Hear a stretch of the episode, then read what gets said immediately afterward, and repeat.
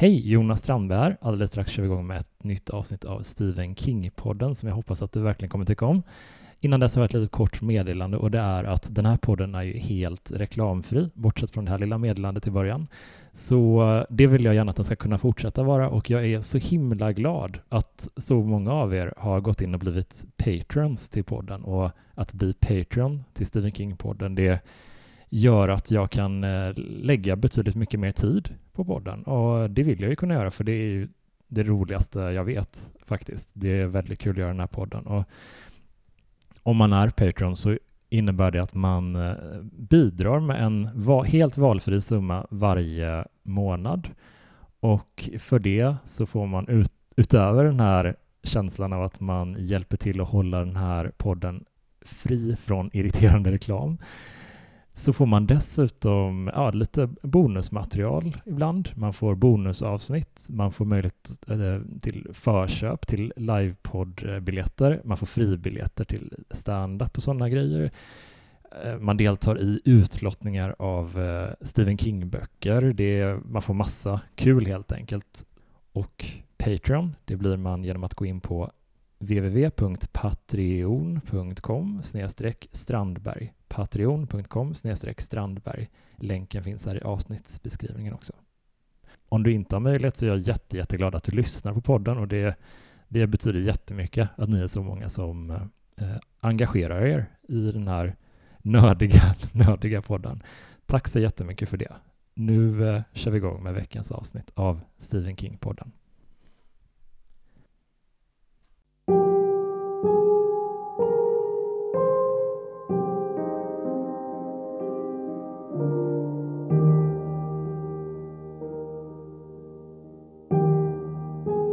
Hej och välkommen till Stephen King-podden med mig Jonas Strandberg. Jag varje vecka bjuder in en gäst och så pratar vi om en av Stephen Kings väldigt, väldigt många berättelser. Och den här veckan så har jag med mig en debutantgäst i podden. Det ska bli jätte, jättekul. Välkommen hit Lisa Dahlin. Tack så mycket. Tack så mycket. Hur är läget med dig? Det är mycket bra. Mm. Jag är fortfarande inte i någon uh, dipp efter att ha gått upp tidigt på morgonen så att mm. det känns uh, lugnt än så länge. Vi får se, halvvägs in i podden så kanske jag börjar sluddra. Men, uh, ja, precis. Men jag är precis som, jag kan absolut gå upp tidigt men det, det förkortar dagen drastiskt.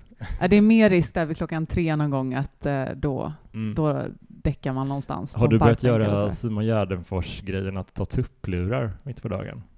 Oh, alltså jag är inte en jätte jättebra tupplursperson. Du somnar helt då? Jag bara. kan inte sova bland folk eller så här, ja. eller de som typ sover på tåget och bara så, ja ah, men det gör ju ingenting att åka tidigt, jag sover mm. aldrig i mitt liv. Jag vill, nej, nej, nej, nej, nej. Medan folk sitter och tittar på mig, de kommer inte göra någonting annat på tåget än att titta på mig. Och sådär. Oh.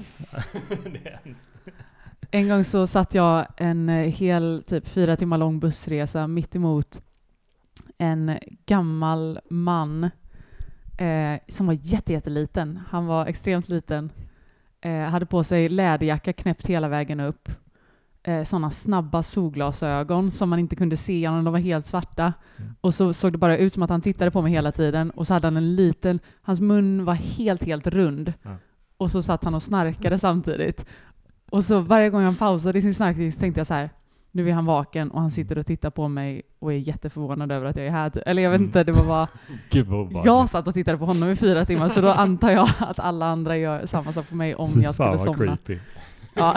Nej, men jag håller med dig, det känns ju lite för intimt att sova offentligt. Absolut. Mm. Det håller jag helt med om. Även så här, vissa kontor har ju så här vilorum också. Ja, nej men jag hade aldrig funnit sinnesro i ett litet typ ägg eller vad de nu sover i. De har sån här, ett ägg med ett litet fönster som du kan dra ner så bara och Nej. så ska du vara inne i den lilla... Nej, Någon kan ju komma och bara knuffa omkull den om ja. de vill, tänker jag. Som så här bajsman fast med ja, Jag tror att när jag somnar så blir alla andra onda mm. och vill mig ont ja. bara. ja, en massa fiender som bara ja. kliver sig på. Men uh, du är ju också komiker. Mm. Uh, och du, uh, har, du har, precis som jag har du hund. Hur löser du den grejen med att liksom, när du måste gigga och resa runt med, med, med din hund Barnaby? Alltså, jag skaffade Barnaby efter jag hade börjat med stand-up och allt sånt där. Han är en uh, stand-up-hund through and through. Mm. Och jag tror att kanske andra veckan som jag hade honom så fick han följa med på sitt första gig. Liksom. Gud vad bra. Eh, och är väldigt, väldigt bra att ha med. Han är så, en riktig gubbhund liksom, Mm. så han bara lägger sig någonstans bak och är Accepterar så omständigheterna. Fan vad ni låter, nu går jag och lägger mig här. Och, och Mm. så sover han typ hela tiden. Mm. Eh, så, och väldigt bra på resa och sånt också. Ja, Så men att, eh, ja, han, Han, är är också bra- ganska liten, precis som min hund. Eh, Precis, han får plats under ett uh, barbord liksom. Utan problem. Ja, det är faktiskt väldigt skönt. Eh, sen skönt. gillar han ändå att lägga sig eh, tvärs över em, korridorer och trösklar och sånt Blockera. där. Så att ja, Mm. han känns ju större. Men eh, Jag tänkte på en grej med, har, har du också märkt det att eh, när man är ute och pr- promenerar med sin hund att de går ibland så himla nära folks fötter typ? så, alltså det är som att Att han bara, vill bli sparkad du på. tänker inte att du kan få en fot? Nej, och han har i- fått det många gånger också. Alltså han går ju in typ Han bara, mellan "Jag ska också ibland. fram här." Den minsta men det är så när vi liksom ska typ gå av tunnelbanan eller någonting och han liksom går, bara Mm. kuttar så rakt Ja, ja. framför en Så. människa och så kliver de på honom och så säger de så åh gud förlåt och jag bara nej, Den här, nej min, det där var inte ditt den fel. här omkörningen med inga marginaler. Precis, att det är, som den folk som inte eh, har körkort när de cyklar. Mm. Du vet att de bara plötsligt kan ta en vänstersväng Va? Helt utan från, utan en tanke på de, omvärlden. de fick en liksom. impuls bara. Jag Ja. behöver ta vänster Ja, här. precis. Eh, Det, är så, det finns väl ingen annan eh, i världen förutom mig så att jag svänger nu. Ja. Eh, och exakt så tänker små hundar tror jag. Ja, tur att vi inte har en uh, stor Sankt Bernhardshund i alla fall. Det är Verkligen. verkligen toppen. Som den här stackars, stackars hunden vi ska prata om idag, Ja, Cujo. Cujo. Det är ju fantastiskt kul att få prata med dig om Cujo. Och det, det är extra roligt för att båda har hund. Just, Ja. Det ska bli intressant att jämföra lite känslor. med och, våra egna. Ja, dels. Cujo med våra hundar och dels våra känslor kring hur hunden porträtteras här. Mm. För att du hade läst den här boken för typ tio år sedan. Ja, ish. minst tror jag alltså. Och så Mm. återbesökte du den nu och typ, ja, något liknande liksom. Mm. Men vad, vad har du för relation till Stephen King? Eh, alltså inte någon, jag vet inte, jag fick lite fix för honom när jag var tonåring typ någon gång för att då tyckte jag om, eh, egentligen den första författaren som fastnade med mig var, eh, alltså när jag var ännu yngre då, var eh, Laura Trenter. De här Eh, deckar... Deckar, liksom, typ deckar lite thriller-aktiga med lite ibland super, supernatural eh, Mm. saker som händer och ja, sådär. jag älskade dem också. Du gjorde också Ja, det? verkligen. Ja, var, var det typ fotoalbumet, eh, dagbok, alltså Ja, massa sådana här. Alltså det var ju bara sånt man, och även de här kalla kårar-böckerna som jag har Ah. droppat lite i, i podden, de var också så här spänning fast för barn Ja, men jag tyckte hon människor. gjorde det jätte, jättebra och det var liksom, jag tyckte att det var det, var det bästa. Jag, var, jag läste väldigt mycket och blev helt uppslukad liksom sådär.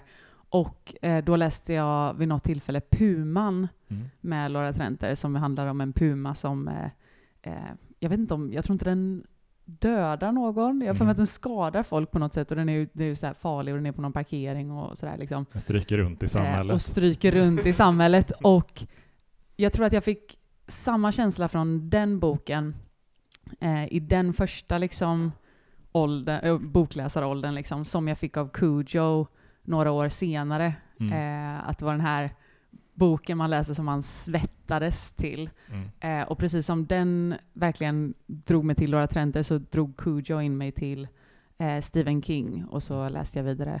Så Jag har inte läst så många, jag har ändå läst, jag kanske har en fy, fem stycken, Mm. tror jag, eller något sånt där. Ja, men det är ju, det är ju, mm, det är ju bra liksom. Det, ja, det är någonting. ja. jag vågar inte fråga hur många du har läst, men... Nej men det eh, är, det är några stycken nu. Men, eh, men intressant att det, är, att det är djuren då som har dragit in dig. Ja, Båda. Är du en djurperson? det är jag Mycket. verkligen. Mm. Eh, och gilla, har alltid gillat så här mycket vara ute i naturen och vara mycket runt djur och sånt. Mm.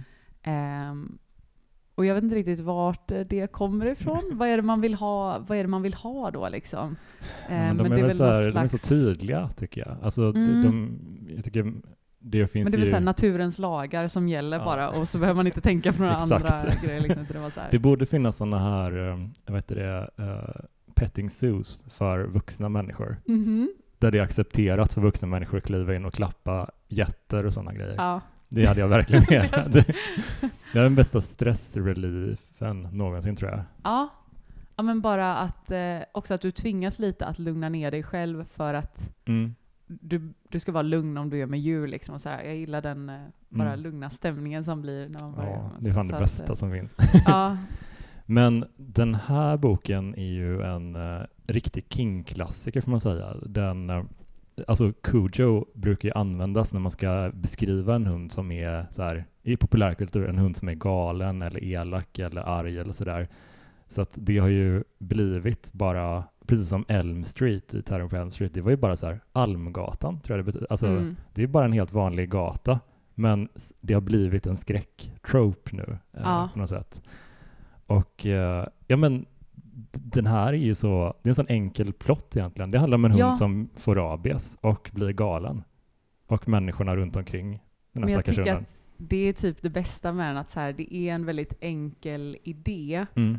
eh, om ett väldigt så här, isoler, en isolerad händelse på ett ställe ingen bryr sig om. Typ så där. Mm. Men det är just det som gör, alltså när du smalnar ner det så mycket så kan du få ut den riktiga ja. verklighetskänslan i den då som gör Ja. det så läskigt som Gud, det behöver ja. vara. Typ. Jag tycker att, ehm, för jag, av de Stephen King-böckerna jag har läst då så tycker jag liksom att den här har det tydligaste och mest färdigarbetade eh, manuset eller vad man ska Mm. säga. Eh, Alltså det är så kul att säga det och jag håller verkligen med dig och därför jag blev så överraskad när, eh, eh, när jag läste att han, King knappt minns att han har skrivit den här boken. Att han krökade så hårt då. Och att han, han har läst den i efterhand och bara tycker, jag tycker den är jättebra. Jag önskar att jag kommer ihåg när jag hittade på den här. Ja, Men han har liksom inget, det, det var bara en dimma då. det är så förvånande alltså. Ja men det är så obegripligt och då kan man återigen köra den här jämförelsen eh, som nog drömfångarälskarna i podden eh, har blivit lite trötta på nu kanske. Men den skrevs ju på Oxycontins, de här tabletterna. Den här skrevs på eh, under alkoholinfluenser. Mm. Vi ser ju vilken drog som man kan arbeta Precis, bäst va? under. men, ja, eh, Ernest Hemingway som myntade det, men eh, Stephen King gjorde det perfekt. ja men liksom. faktiskt alltså, Mm. den är förvånansvärt uh, tight ändå. Ja, och det känns som att också liksom, tidslinjen och hur han har planterat alla de här, för den fokuserar väldigt mycket på alla de här små valen som människor gör på grund av små saker som har hänt dem och sånt där och att allting leder till det, alltså det som händer händer liksom och att Mm. det är så himla ihopvävt och känns verkligen, känns verkligen som att någon har suttit med väldigt många små post-it-lappar och väldigt mycket röd tråd Mm. och liksom dragit igenom. Och eh, det är väldigt svårt att hålla, hålla i garn och grejer när man är så stupfull som Ja, han då verkar ha varit. Så att det är ju otroligt imponerande tycker jag. Ja men verkligen. Men minns du ditt första intryck när du läste den här för första gången? Vad, vad, vad kommer du ihåg av det? Eh, alltså jag kommer bara ihåg att jag svettades mer än vad jag trodde var möjligt av liksom inte fysisk aktivitet. Mm. Eh, och jag kommer inte ihåg hur snabbt jag läste den. Jag, jag tror att det var exakt den här boken jag hade då. Mm. Ehm, så jag läste den på engelska ändå, för jag var, tyckte jag var väldigt engelskintresserad eh, som lite så här, och ville väldigt gärna läsa på originalspråk när jag kunde. Typ, och, så där. och den är ju ganska lättläst på engelska också. Mm. Ehm, men att ändå bli så insatt i det. Det var inte så här, jag tänkte inte på några, åh vad är det här ordet eller någonting, utan bara så här matade igenom den på vad som kändes som. Ja.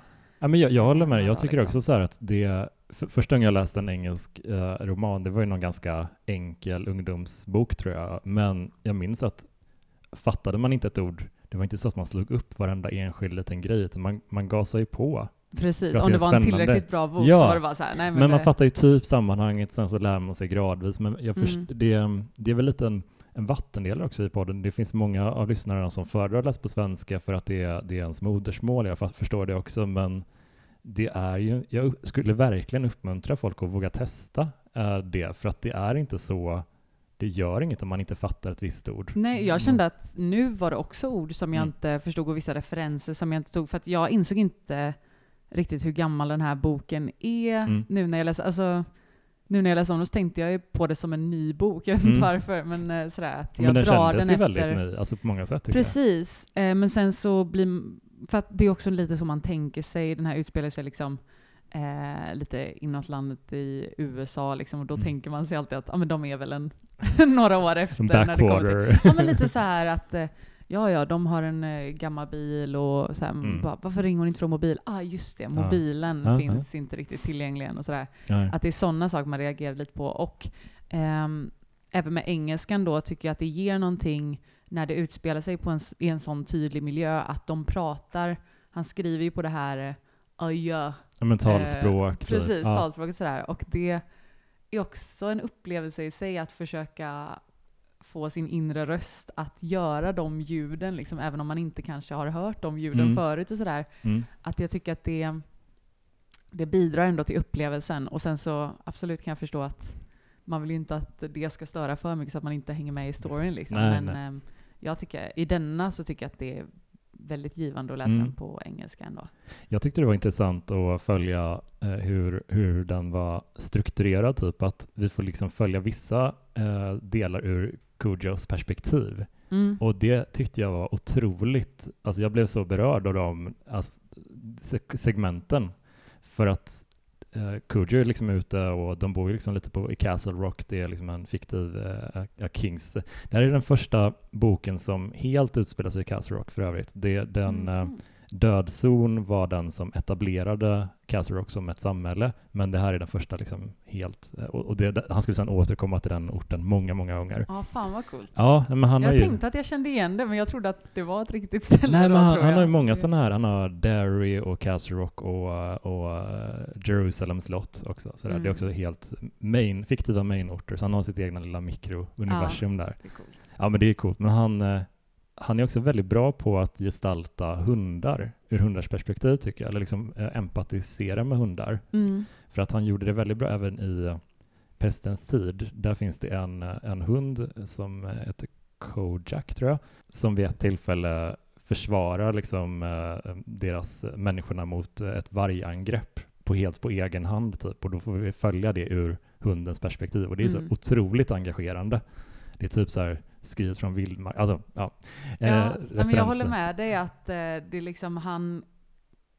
Det är som att han tänker, hur hade en människa tänkt? Mm. Och sen kokar ner det till bara så här, okej men vad tänker människan instinktivt? Ja, ja. Och sen ger det till hunden. Så man vet ju inte om så här, okej det kanske är lite väl avancerat för en hund egentligen. Mm. Mm. Men det känns väldigt realistiskt för att du kokar ner det till instinkten att Ja, så här, vad oh jag är varm, jag går till skuggan. de här impul- där, liksom. impulserna Mm, typ? Precis. Men jag, jag, fick så, jag blev så otroligt berörd när eh, av den scenen där Cujo följer efter en kanin och Mm. i det hålet så är, har även ett gäng fladdermöss bosatt sig.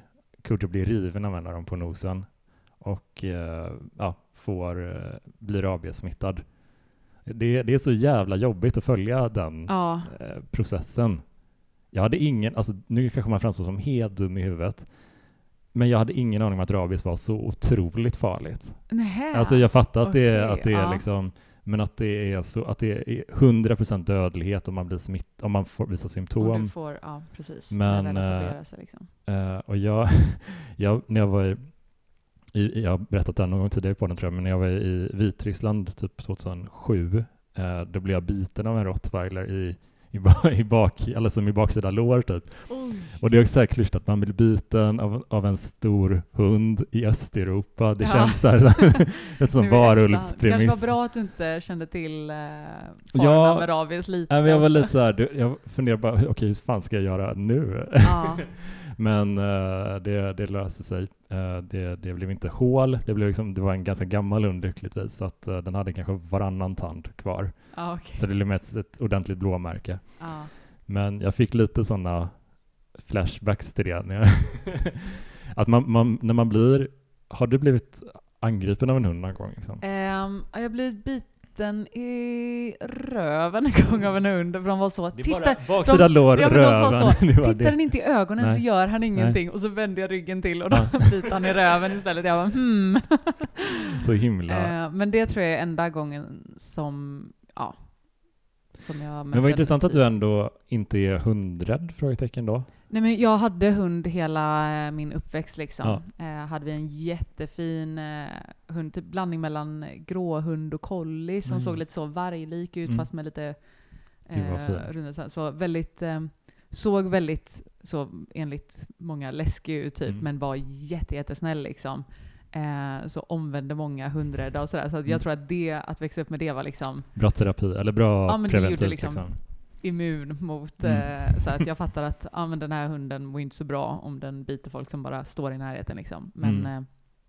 Eh, ehm, jag tror att det är det som är det läskiga med Cujo också, att du tar bort den delen att så här, eh, men den agerar inte rationellt för att den har ju blivit smittad av någonting och då blir det Ja. läskigt för då vet man inte vad den... Ja, vad och den det, kommer det är en väldigt snäll hund. Alltså, det är ju en Sankt Bernhards hund och jag tänker bara på så här i alltså Båtsman i Saltkråkan. Mm. De, är, de är så otroligt vackra hundar. Ja, och loja och liksom... ja, ja, men de ligger och, eh, gillar att ligga och vila mycket. Precis, precis. Och är som så här snälla björnar typ. Men, Ja. eh, nej, Men det är så de framställer Cujo i början också. De Ja. etablerar ju väldigt så här, eh, tidigt att ja, den här skulle kunna göra otrolig skada, men Mm. det kommer den aldrig göra. Liksom. Mm. Eh, och det är ganska roligt att de eh, planterar det så Ja. tidigt tycker jag ändå. Ja, verkligen. Det, det, det är intressant hur liksom deras hu- människokaraktärernas liv, det liksom pågår eh, som vanligt och de, de har någon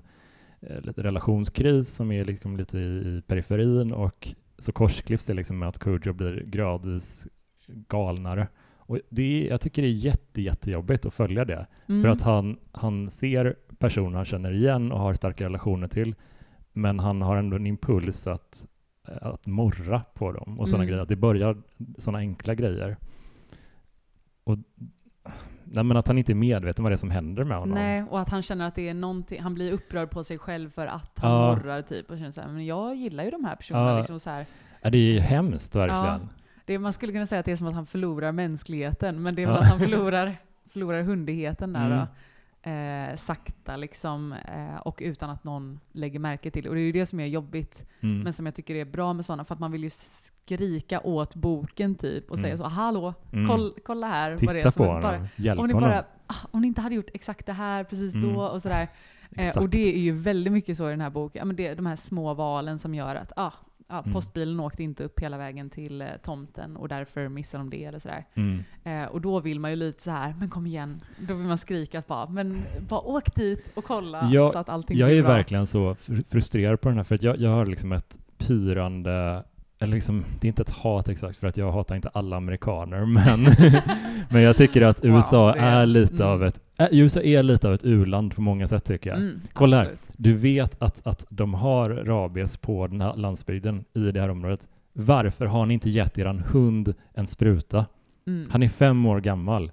Ni har haft go- gott om tid att ge honom liksom en, en shot så att han inte riskerar att åka på någon skit. Om ni vet att han är ute och leker Ja, på egen hand. Varför har ni inte gjort det? Jag upplever bara att det är 100% människornas fel att det blir Mm. som det blir. Det finns ingen annan liksom...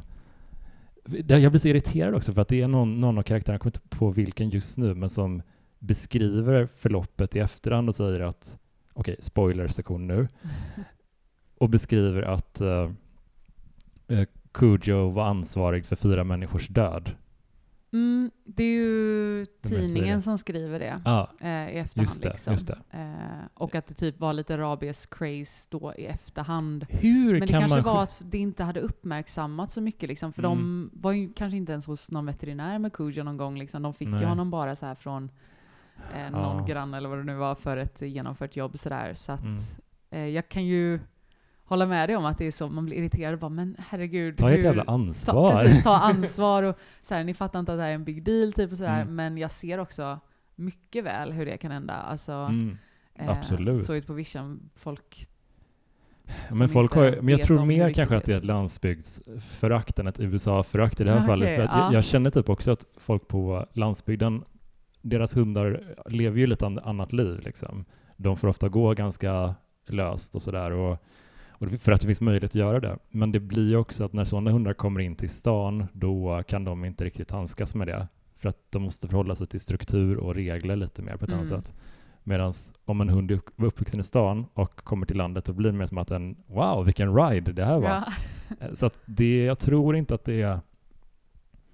Ja, jag vet inte. Eh, det känns lite som att det är mer, är mer en, av en uh, laissez-faire-attityd på landet kring hundar, att de bara får springa runt lite. Ja, men också så här, ah, nu är den för sjuk, då Mm. skjuter vi den liksom. Istället för att så här... Ja men det är en bristande, ja men så här, ja, men det är Men jag samma tror det är en mer avslappnad syn på djur bara liksom. Också eftersom de har djur på ett annat sätt. Alltså de har ju inte bara sällskapsdjur utan de har ju också boskapsdjur och sådär Mm. liksom. mm. Och då blir det väl lite mer otydlig linje däremellan hur man ska hantera dem och sådär. ja gud vad Eh, men jag tycker typ att det är eh, lite rimligt. Mm.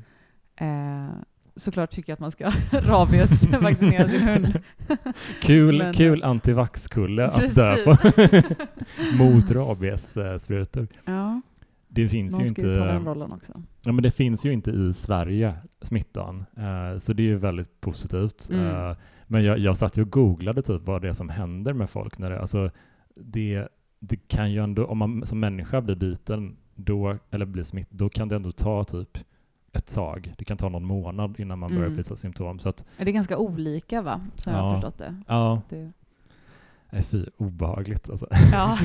Nej men det är också så här, det, det är så himla intressant hur hunden blir liksom, ar, alltså den är, målas ju ändå upp som ett legitimt hot, Cujo, för att han, han väger ju typ 100 kilo. Mm. Det är ju en stor, stor hund. Och det är ju lugnt när den är, den är, den är gosig. Men Ja. när hjärnan bara slutar fungera, det är som, Ja, det är så eh, obehagligt. För man har ju, jag vet inte om du har varit typ närheten av hästar och så Mm. mycket. mm, Eh, men ibland så blir man ju, ja men typ, de, det behöver inte vara att de gör något aggressivt utfall eller sådär liksom, men eh, om de typ kommer och ska så trycka nosen mot eh, bröstet på en så här för att man ska klia dem. Alltså ibland kan man ju Mm. bli så, ja. alltså lite knock, Ja, och då är det bara ja. för att de har rört huvudet mot en liksom. Eh, och man tänker att så här, en hund så stor som Cujo skulle komma, alltså man hade ju inte kunnat hålla emot Nej. någonting där liksom med den kraften. Så att, Nej men ehm, verkligen. jag tycker ändå att, för det trycker han på ganska mycket i boken också, så här, hur stor Mm. och liksom, gi, alltså hur gigantisk han faktiskt är. Och det Mm. tillför ju mycket också för att få det att kännas mer som då, ett monster som han vill få det att framstå mer än en vanlig hund. Ja, men jag tycker det funkar så himla bra för att eh, alltså Kudja stryker ju omkring liksom i, sam alltså i samhället och, återigen och eh, man vet inte riktigt vad han är eller hur långt gången hans smitta är eller sådär.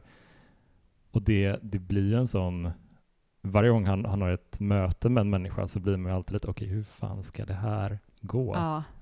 Eh, Jag hade faktiskt eh, glömt den, alltså hur, vilka karaktärer som klarade sig till slutet och inte Mm. sådär. mm, Eh, så jag blev lite chockad. mm, när Eh, pojken dör. Både det men också eh, polis, eh, ja, Mm. sheriffen. Mm, Eh, för att jag, hade, jag fick för mig att det var någon så här distraktion som skedde typ eller något sånt där. mm, Eh, och jag visste att han skulle bli anfallen men sen så var jag så, åh jävlar Mm. vad liksom det är blodigt och det är ett hemskt slut och liksom så här. Och så var det så här, men gud läste jag det här mm. i min unga ålder och var så, fan Ja, vilken den bra är- bok, det den här är, är så bästa grov. boken. Den, Den är den så- är riktigt grov. Mm.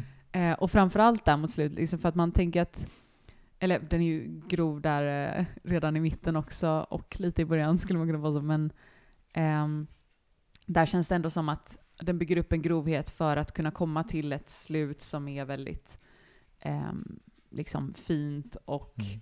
typ tar död på det stora monstret sådär. Men det gör det på ett så hemskt sätt att man inte ens mår bra av det liksom. Ja, för det, det är inte som att man känner, i alla fall inte jag, alltså känner en tillfredsställelse när Cujo blir besegrad.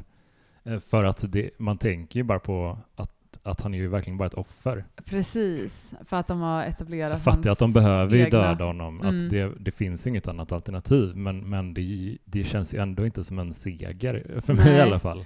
Men vad tycker du? För att jag tänker mig lite temat på boken, nu går jag till större, Mm, mm. en större fråga, men att temat på hela boken typ är lite det här med återkommande ondska och att liksom ondskan har bara ett ansikte, att så här, riktig ondska är det är en väldigt tydlig sak liksom för att de tar upp det här första exemplet med den här seriemördaren som då Mm. har varit eh, i stan och var en del av polisstaben liksom, men Ja. eh, som var en galen seriemördare visade sig eh, och mördade barn och eh, kvinnor och sådär. Mm. Eh, och att det är han som återkommer i eh, lilla eh, Tads eh, Just sovrums det. eh, garderob. Mm. Och att de också tar upp honom flertal tillfällen när folk ser någonting som de ser som ondskefullt så säger de att de ser typ hans ögon eller de känner att de påminns om honom på något sätt. Liksom. Och jag tycker att det är en väldigt spännande grej, att, för det är ju lite som att han tar in det där pyttelilla eh, övernaturliga Mm. som, får, eh, som får en att ifrågasätta lite så här, ja men vad fan är riktig ondska typ? För Mm. att Cujo var ju snäll, men sen så var det som att han blev besatt Mm. av någon sorts ondska liksom. Och sen kan man ju vara så krass och säga bara, ja men han var ju sjuk och eh, Mm. så här, hjärnan och sådär. Och det säger de ju också, ja det går ju att se det här på ett realistiskt sätt, men tänk om. Ja, Så, men eh, jag tänker ju rätt mycket på den eh, aspekten av att det, att det är en småstad som... eh, för det, det här, den här mördaren Frank Dodd som du nämner, han, mm, de morden gestaltas i dödszon och eh, det, det, där, i den boken blir han också liksom påkommen, liksom, eller han Mm. blir eh, konfronterad. Tyvärr, eller efter att han har hunnit ta sitt liv själv. Liksom. Ja, Men, eh, men jag tänker att så här tidigt, det här är väldigt tidigt i Castle Rocks historia, i det, den första riktiga hundraprocentiga Castle Rock-berättelsen. Det är en ganska liten stad. Det händer ett, det var kanske några år sedan det här, när seriemördaren härjade, mm, men jag tänker att det är den, det är den bild, det har nog ärrat det samhället rätt hårt. Alltså. det. Det behöver inte vara de här stora, men typ att det är en, ett, en vampyr som kommer och slår ner på en stad och liksom smittar alla. Det behöver, en mördare, det är ju fan rätt så, det är ju otroligt traumatiserande måste det Mm. vara för dem. Så jag tror att, mig, jag fastnar väldigt mycket för den o, oskulden lite som det visar lite på. Ja, Att det inte, är en, det inte är en härdad stad. Om man jämför med till exempel Derry, eh, där It utspelar sig, de blir liksom helt eh, eh, bedövade varje gång den här clownen kommer på just det, besök. för att och, den är, kommer med sådana ja, men de är liksom, tillräckligt ofta för att folk ska vara så, ja ja men det här har vi hört om förut. ja, men de tittar, och, tittar bort när, det, här- alltså när de ser någon som behöver hjälp. De, Mm. de blir liksom helt avtrubbade typ. Men i Castle Rock, det är liksom ganska vanliga människor som bara, fan det här är inte normalt. Att det är en Nej. mördare som, det är klart att man mår skit över det. Och särskilt barn som var väldigt, väldigt små när det hände, eller, eller har hört det återberättas kanske. De måste vara så här, "Har- händer det här i våran stad? Ja, det är sant. Så jag tror att de... Lite delat trauma liksom, Ja, som gör att exakt. folk ändå har det i sitt undermedvetna hela tiden. Ja, men jag tyckte det var Det tycker jag jätteintressant, ja. liksom, att det blir som en sån eh, gemensam eh, sorg slash liksom ångest över det på Mm. något sätt. Och då att som jag måste läsa den här eh, andra boken också Ja, men den är, den är riktigt bra. Den Ja. är jätteläsvärd faktiskt. Eh, Men, men, och vad var det jag tänkte? Jo, men sen att Kujo också slår ner på samma plats. Det är som att, nej, vi har redan haft vårt. Just det. det här får inte hända Nej, igen. men, liksom. och det är så intressant hur Cujo refereras till lite senare också, typ i, i djurkyrkogården, i andra liksom King-berättelser som det där som hände i Castle Rock för några år sedan. Den där Mm. hunden som blev galen och, och sådär. Jag bara, ja men det är klart att det, det är ju så onormalt. Så jag gillar verkligen hur King lyckas få saker som bara är vardagsmat i, inom spänningslitteratur, typ, Mm. men att han lyckas highlighta hur det verkligen påverkar människor och ja, det var det gemensamma... Men det är väldigt snyggt. Liksom. Även det, folk som det inte påverkar direkt, men även de som Mm. kanske bara läser det i tidningen eller Ja. eh, har varit ja, men det är klart att det är... Ja, någon som har berättat om det. Eller så här. Det är väldigt eh, ja, verkligen. attention to detail kanske, att Mm. eh, inse att människor, alla har sin berättelse om samma händelse liksom, oavsett Ja. hur nära eller långt bort de är från det. Sådär. Ja, men och därför blir jag extra överraskad att han lyckas vara så eh, emotionellt klarsynt här när han var så fruktansvärt påverkad. Ja, det känns ju galet. Alltså, Varje gång du nämner det så tänker jag men det är inte Det- det- det möjligt. går liksom. det går inte. ihop med hur jag har byggt upp min bild av hur han har suttit liksom och klurat på den här boken. Nej, men, Men den, jag, såg, jag såg eh, i någon intervju att han fick idén av att han hade varit eh, på någon sån, eh, ja, någon lokal gubbes garage och eh, skulle fixa sin motorcykel liksom. Och så hade han haft en sån gigantisk eh, Saint Bernard typ, så jag Mm. förstår det som. Eh, och den hade liksom typ nafsat efter honom eller något sånt där. Och det hade suttit med honom som en sån eh, riktig händelse, alltså så ja, ja. en läbbig känsla för honom. Och då är det ju rimligt att han kanske bygger den, lite av den känslan hos varje person fast från ett, Ja, ja. något annat som har hänt dem. Liksom. Men det är så kul att han då inte gör Kujo till ett hundraprocentigt monster, utan även om han själv verkar ha, ha då i alla fall en viss uh, hundrädsla baserat på det här mötet, Mm. liksom, så kanske han, han lyckas ändå få hunden att vara, nej men det är ju inte hans fel. Nej. Det, han, han belyser ju verkligen det, att det, det var ju en jättesnäll hund som drabbades av något fruktansvärt. Ja. Eh, ja, nej men det- är verkligen otroligt skickligt tycker jag. Ja, Jag var lite nyfiken på att höra vad du tyckte om eh, de olika karaktärerna. Alltså, Mm.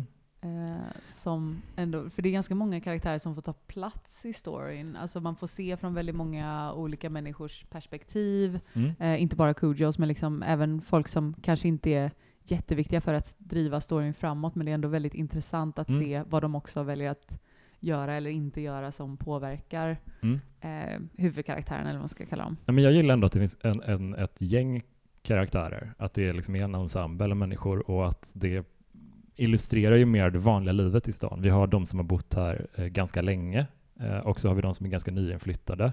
Så att det finns liksom hela spektrat lite, både locals och de, de nya Och i så stan. de som driftar igenom Ja. bara. Mm. Nej men det tycker jag väldigt mycket om, att det blir en... eh, mm, det blir mer så här, för hade det bara varit sig, vad ska man säga, mamman och sonen, hade det bara varit dem och, som var i, i centrum och uh, Kujo, då hade det känts mer som att ah, det här är bara, ni tar bara med in det ni behöver för att historien ska fungera. Mm. Det hade känts lite snålt Ja. och lite som att boken hade blivit mycket torftigare då. Mm. Jag tycker att, och att jag gillar verkligen att eh, jag tycker att alla karaktärer känns väldigt balanserade, bra på vissa sätt och dåliga på vissa sätt. Och så Mm. har man lite mer av eh, det ena på vissa karaktärer och det andra på andra karaktärer. Liksom. Eh, men att, att som, eh, som du säger, att utan dem så hade det känts ganska så fattigt. Mm. Men det är också för att till exempel hur eh, ja, men, eh, hustrumisshandlaren Joe Camber, Mm. eh, hur hans relation till Cujo är, gör ganska mycket också för att man ska tycka att det är ännu hemskare när han väl dör av honom och sådär. Mm. Och eh, i sin tur Joe Cambers relation till eh, hans fru och hur hon måste förhandla för att ta sig därifrån Ja, eh, gör det också jättespännande. Och sen eh, fruns relation till barnet och så, här, och så vidare. Liksom. ja. Ehm, att jag tycker att mycket av storyn blir väldigt förhöjd Mm. av att man känner till alla de här människorna i den här lilla stadens, alla deras relationer till Mm. varandra. Mm. Men deras vardagsproblem, deras eh, Mm. interna relationsissues och sådär. Precis. Ja, men verkligen. Han tar ju liksom tiden att presentera, eller presentera, men att så avslöja att den här sheriffen som bara dyker upp för en, i princip sin dödsscen liksom, Mm. eh, när han kommer till platsen, att han ändå bygger ut och säger så här, ah, när eh, hans dotter och berättar vad hon heter och hans fru Mm. och så här liksom se till att sätta honom Mm. i ett relationsförhållande till också de andra poliserna och liksom sätter verkligen in honom i det här samhället så att alla som dör känns ju som att så här, nej men det här var ju Men du, du kände ändå av, av, att, samhället liksom. att du, du, du, hade, visst, du hade inte läst Dödszon, eller hur?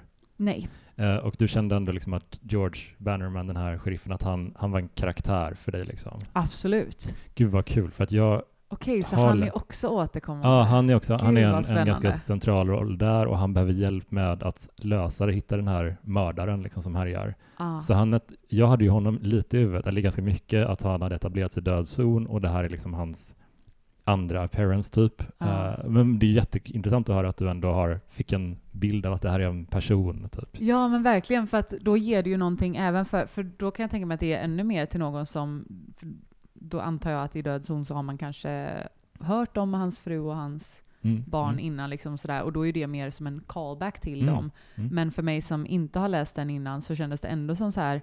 oj, han bara liksom etablerar snabbt varför vi ska bry oss om att den här karaktären nu dör en så brutal Alltså, död. Jag, liksom. jag, är så, jag blir jätteglad att höra att du känner så, för att jag tror att, att King, eh, sättet som King handskas med delade universa, universum, eh, det är ju så mycket, alltså om man jämför med Marvel, det tydligaste Mm. populärkulturella exemplet, ja.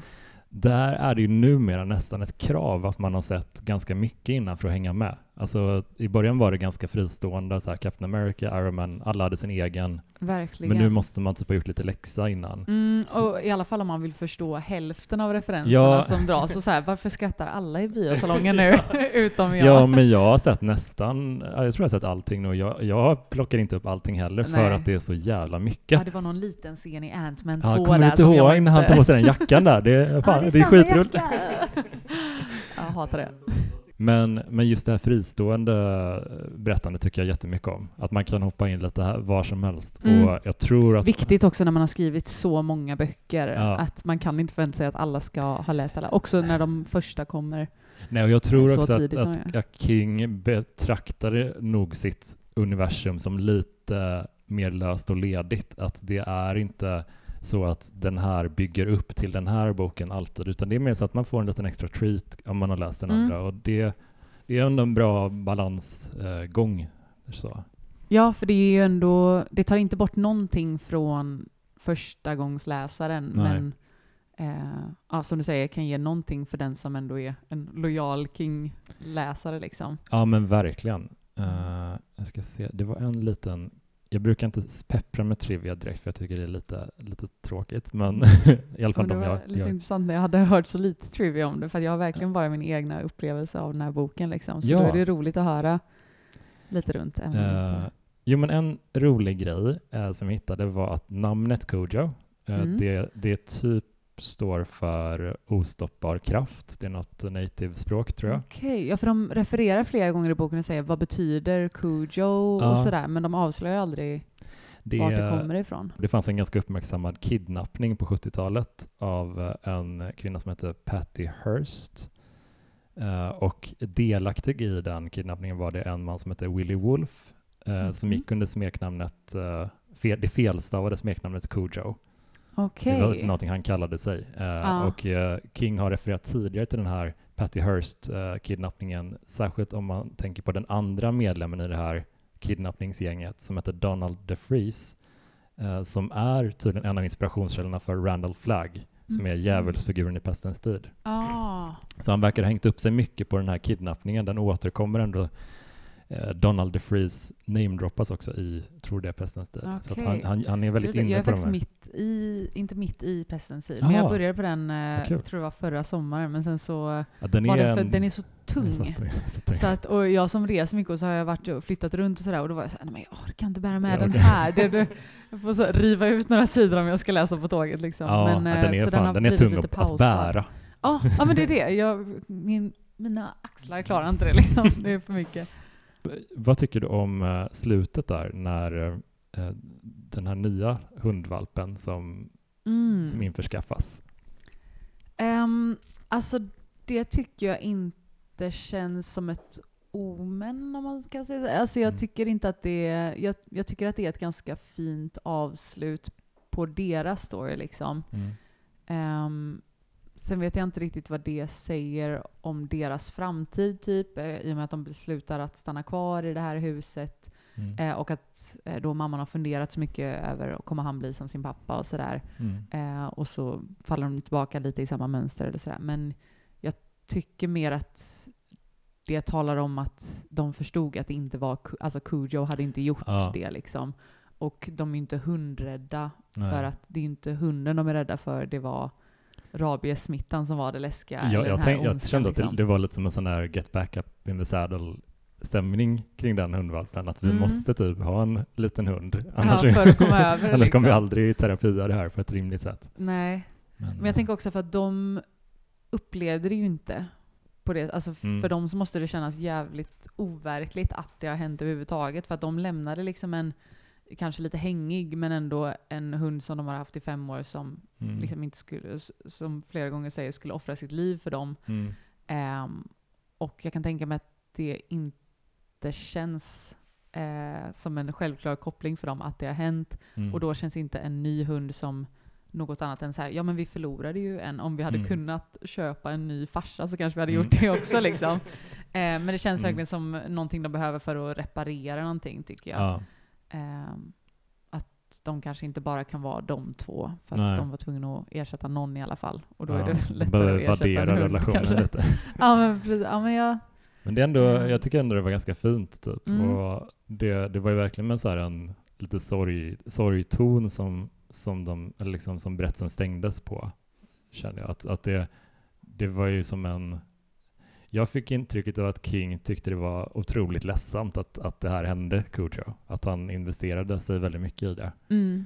Eh, Så att, eh, Ja, men för samtliga så blev det väl en sorglig historia eh, ja, i slutet. Liksom. Men jag kände ju- nästan ändå mer, det kanske bara jag som är empatistörd, men jag kände nästan mer att eh, berätt, sättet som historien var berättad på så var eh, alltså, King la mer tid på hunden på något sätt. Att, Mm. att det kändes som att eh, han hade som berättare mer empati med, med hunden. Och vad som Än hände med med fyraåringen tänker du? Ja men nästan alltså. Ja. På något ja men sätt. för fyraåringen han inte riktigt, alltså den hade en, här, han etablerade en väldigt potentiell framtid Mm. för fyraåringen och så här, men han pratar inte så mycket specifikt om det. Alltså han, Nej.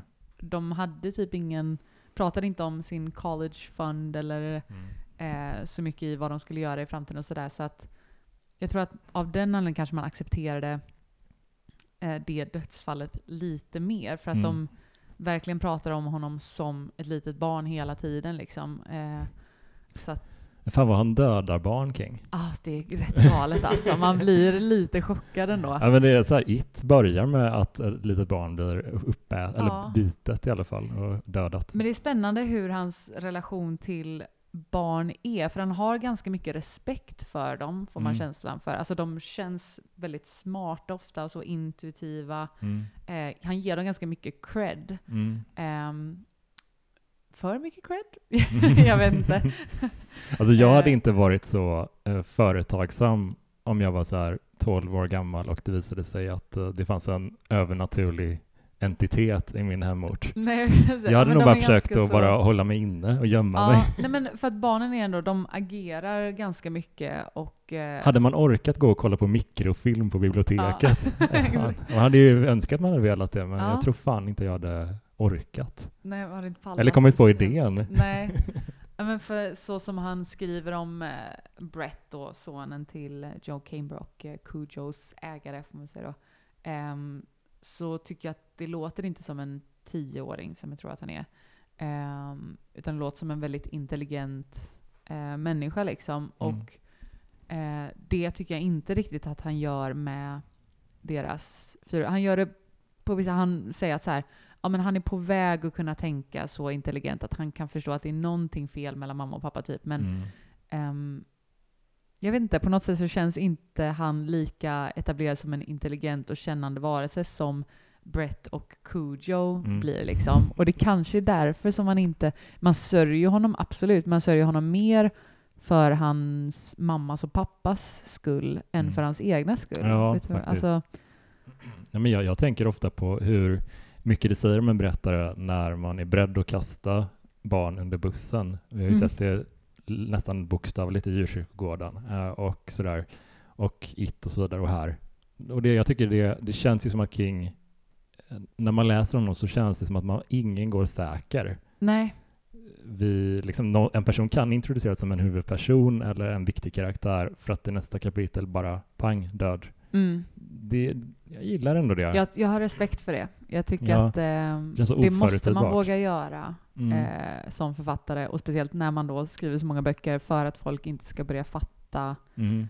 eh, mönstret och se så här. Ja, men jag, ja, men ja. när, när mamman då på slutet springer fram och är så här, nej nej nej, han är inte död, jag ska rädda honom. Då tänker man, ja hon kommer ju Mm. såklart rädda honom. För att det är så alla amerikanska filmer slutar. Att han drar ett andetag och så bara och så, Mm. åh gud vad slut, är allting. Och så omfamnar alla varandra och sen åker de hem liksom. Mm. Eh, och att det inte händer i en sån smäll i ansiktet som Ja. man behöver Mm. när man läser en sån här bok tycker jag. Ja, men jag kan aldrig gissa, jag har ändå läst så många av hans böcker nu och jag kan fortfarande inte gissa vad som ska hända typ. Nej. Eh, För han har ju några verktyg, några återkommande grejer, men, men de är ganska många till antalet. Man vet aldrig liksom vad ska han, ska han bryta till och med mot sina invanda konventioner eller ska han liksom använda en gammal klassiker eller, Mm. eller hur ska han göra? Det, han känns som en väldigt levande berättare. på det sättet. Att precis som i verkligheten så kan barn råka illa ut och det, det är liksom sandpappras inte bort Nej. de hårda liksom, kanterna. Um, så det, det tycker jag mycket om. Och jag var väldigt förtjust i den här boken. Jag tyckte den var väldigt men den dröjde sig kvar på ett sätt som jag inte trodde den skulle göra. Jag, jag, jag tänkte den skulle bli mer som en sån eh, grisig eh, slasher typ, ja. fast med en hund. Och det var det ju på ett sätt, men jag, man brydde sig verkligen. Mm. Men det är, på något sätt så har han sytt ihop det på, så bra att det liksom smäller till lite extra bara. Men det gör ju något extra att det är en hund också. Och att han är bra på att gestalta hunden. Att, att då blir vi så här, empatin ligger också hos mördaren. Mm. Eh, vilket är helt sjukt. Ja. så man, vad som än händer så blir man lite ledsen. Mm. men det, det, hade ju inte funnits, för att när hon står där och slår på hunden i slutet, liksom, då är man så här, vem ska man tycka synd om nu? Mm. Det liksom, ja. Ingen vinner här, utan det är bara förlust åt alla håll. Liksom. Ja. Och det är klart att det sitter kvar ja. en stund efter man har läst. Ja, usch. men uh, ska vi säga så? Ja, ja, det gör vi. Det, här var, det var jättekul att ha med Lisa. Du får det var jätte, jättekul att få snacka om uh, en favoritbok alltså. Och det är skönt att ha en uh, sju kilos hund. Ja, verkligen. Tack så jättemycket för att ni har lyssnat på det här avsnittet och uh, vi hörs snart igen. Hej då! Hej då!